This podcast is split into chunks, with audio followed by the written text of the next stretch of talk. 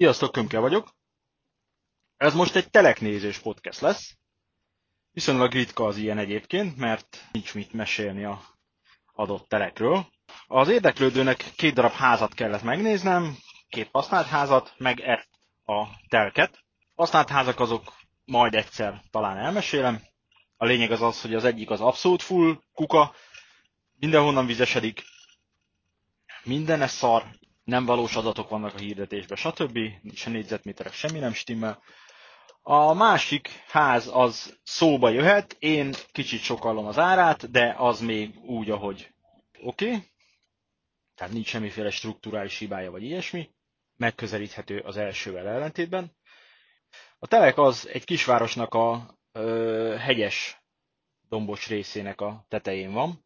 Rendelkezik építési engedéllyel, de eladóvá vált. Van rajta egy kis ház, amit a tulajdonos meg akart tartani, legalábbis így hirdeti. Mielőtt belevágunk ebbe a telekbe, azért mesélnék egy pár dolgot egy ilyen lejtős telken való építkezésről. Ugyanebben a városban egy jó pár évvel ezelőtt szintén így a hegy tetején terveztem egy házat, amit egy általam jól ismert kivitelező épített, meg kijártam tervezői művezetni is, tehát végig láttam a folyamatot. Úgy képzeljétek el az egész telket, meg a pozícióját, mintha egy kakaós csigának a közepét így fölfelé megemelnéd, és az egész így spirál alakba fölfelé emelkedik. Mindezt tarkítva azzal, hogy rendkívül szűkek az utcák, tehát már két személyautó sem fér el egymás mellett, na most erre kellett építkezni. Én mondtam a megrendelőnek, általában a tétes költségvetési kiírásba én 5%-ot szoktam beleírni a bruttó anyagárra vonatkoztatva anyagmozgatási költségként. Mondtam, hogy hát itt azért számoljunk legalább 20%-kal, ugyanis semmilyen nagyobb autó nem tud oda a telekre felmenni. Az építőanyagokat is négy raklapjával kellett fölvinni, mert az, a, az az autó tudott egyszerűen felkapaszkodni, meg megfordulni, mert természetesen zsákutca miért ne betonokat is kis mennyiségbe tudtak felvinni csak, úgyhogy eleve úgy kellett terveznem a házat, hogy nem födénpallóval, nem monolit födémmel, hanem betongerendával, kefnivel, ami ténylegesen kézzel mozgatható, és a vége az anyagmozgatási költségnek több mint 30% lett. Azaz hatszorosa, mint egy normál háznál, és ez nagyon súlyos milliókban mérhető, mert Képzeljetek el mondjuk egy 100 négyzetméteres házat, amit most felépülne mondjuk 70 millióból, ebből durván ilyen, hát 60 százaléka az anyag, de mondjuk az egyszerűség kedve, hogy fele, tehát 35 millió, és ennek a nem mindegy, hogy az 5 százaléka az anyagmozgatási költség, ami plusz, vagy a 30 százaléka az anyagmozgatási költség. És mondom, végigkövettem az építkezést, tehát ténylegesen tisztában vagyok a, azzal a küzdelemmel és azzal a anyag ár többlettel, amit ez eredményezett. Emellett a kivitelező beleőszült abba, hogy egész nap folyamatosan azt kell koordinálnia, hogy jönnek a terautók, gyorsan önts le, gyorsan menjél, de ha valamelyik szomszéd jött haza, vagy valamelyik szomszédhoz jöttek, a teljes utcába valakihez jöttek, és ott megállt egy személyautó, már nem tudott eljönni mellette, ez nagyon sokszor előfordult, nem tudott eljönni mellette a teherautó. Borzasztó volt. A másik projektnél, az egyel arrébban egy városba, oda is terveztem egy házikót, és képzeljétek el, hogy az önkormányzat nem engedte meg, hogy a saját telkébe bemélyítsünk egy kurva nagy beállót, gyakorlatilag, hogy be tudjunk állni egy betonpumpával, egy pumixal, vagy akármivel. Azt mondták, hogy nem. Nem adnak rá engedélyt.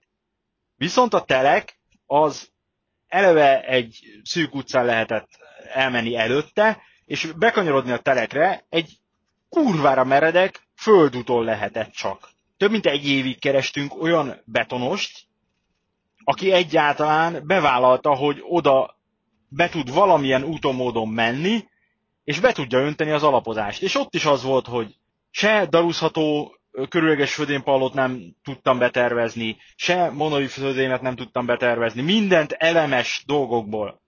És odáig fajult a történet, ez az egész küzdelem meg minden, hogy feladták és eladták az egész projektet mindenestől. Na, és akkor kanyarodjunk rá a mostani podcast témájára, illetve telkére.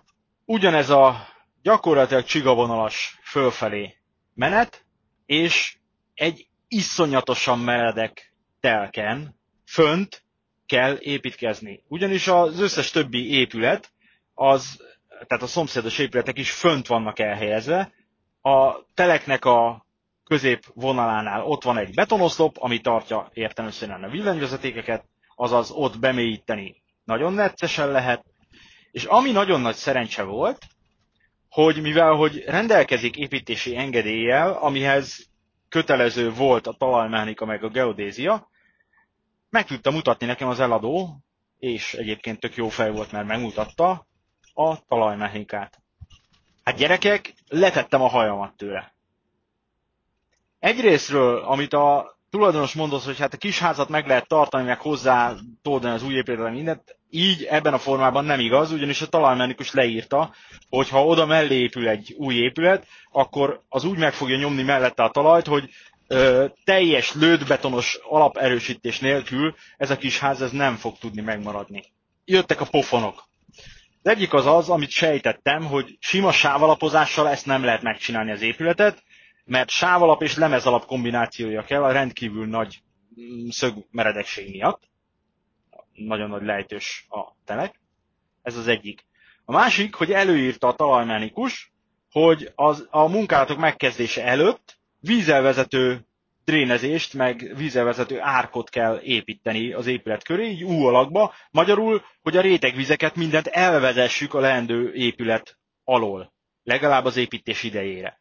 Ez már egyrésztről lemez alap is már egy sok milliós pluszköltség, ez az elvezetés, ez megint egy sok milliós pluszköltség, és amitől utána letettem a hajamat, hogy előírta a talajmechanikus, hogy olyan szintű en szar a talaj, hogy amikor kiássák a pincét, akkor lőtt betonnal az egész falat, magyarul a hegyoldalt lőtt betonnal meg kell erősíteni ilyen rohadt nagy horgonyokkal előírta, hogy hány darab kell meg egyebek, ahhoz, hogy ne omoljon rá a hegyoldal a, az egész házra. És le is írta egyébként, hogy nagyon speciális ö, mélyépítési, kivitelezési tapasztalatokkal rendelkező cég szükséges ehhez. Azaz ezt Józsi bácsi a hat köművesével nem fogja tudni megcsinálni. Én azt mondanám, hogy ennek az alapozás, csak az alapozása ennek a háznak nagyon alsó hangon 20 millió forint lenne. És mondom, nagyon-nagyon speciális technológiát, szakértelmet, gépparkot igényel. Ez az egyik. A másik az az, hogy én egy passzáttal járok, ami egy suzuki képest viszonylag széles autó, de nekem is már, ha jött valaki szembe, mind a két félnek értelmesen teljesen le kellett húzódnia az egyik oldal az a támfalnak, a másik oldal meg a, a meredélybe húzódott le. És lemértem a telek előtt, a meredély és a villanyoszlop között van 270 centink. És ez egy zsákutcának a végén van, azaz bármi oda fölmegy, annak valahol meg kellene tudni fordulnia. Én még a személyautóval megfordultam, mert be tudtam egy ilyen mélyített kapubejáróba slisszanni, de abba a magasság meg minden miatt, abban nem tud be, betolatni egy Pumix vagy egy mixer, betonpumpáról nem is beszélve, ami akár 10 méter hosszú is lehet. És azáltal, hogy a teleknek a felső harmadába kell építeni, ezért ide alsó hangon kellene egy 36 méteres betonpumpa, de inkább az 54-es, és a talajmechanikus előírta, hogy nem lehet munkahézak az alapozásba, azaz együttembe be kell írni, önteni az egészet. Most képzeljétek el, hogy ott akkor sorba kell jönnie, hát egy ilyen, ilyen szintű alapozásnál én azt mondom, hogy kell 30-35 köbméter beton, mivel, hogy meredek az utca, mivel, hogy szűk az utca, itt 8 köbméteres mixerek nem tudnak feljönni, hanem maximum ezek a 4-5 köbméteresek. Ez az azt jelenti, hogy 7-8-10 mixernek kell jönnie, illetve hát ennyiszer kell fordulnia, ha mondjuk egy-egy mixerről beszélünk, vagy kettő-háromról beszélünk, amik nem férnek el egyértelmű, tehát teljesen ki van zárva, hogy még félrehúzódva se fognak elférni egymás mellett elhaladva a fölfelé, lefelé menő jövő úton.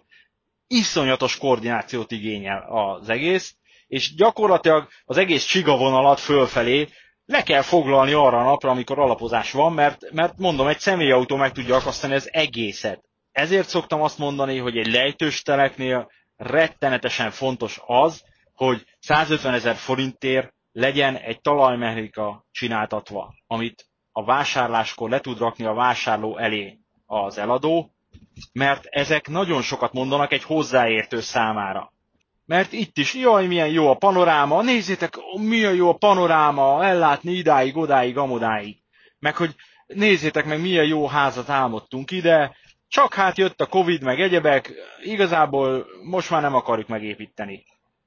És akkor mondja a fickó, hogy hát 200 négyzetméteres házat terveztek, és hát akkor, amikor tervezték, Covid előtt, akkor ez 19-ben lehetett, akkor 80 millióból kijött volna. Meg a szamat azt. Már akkor se jött volna ki 80 millióból egy 200 négyzetméteres, még sík terepen sem.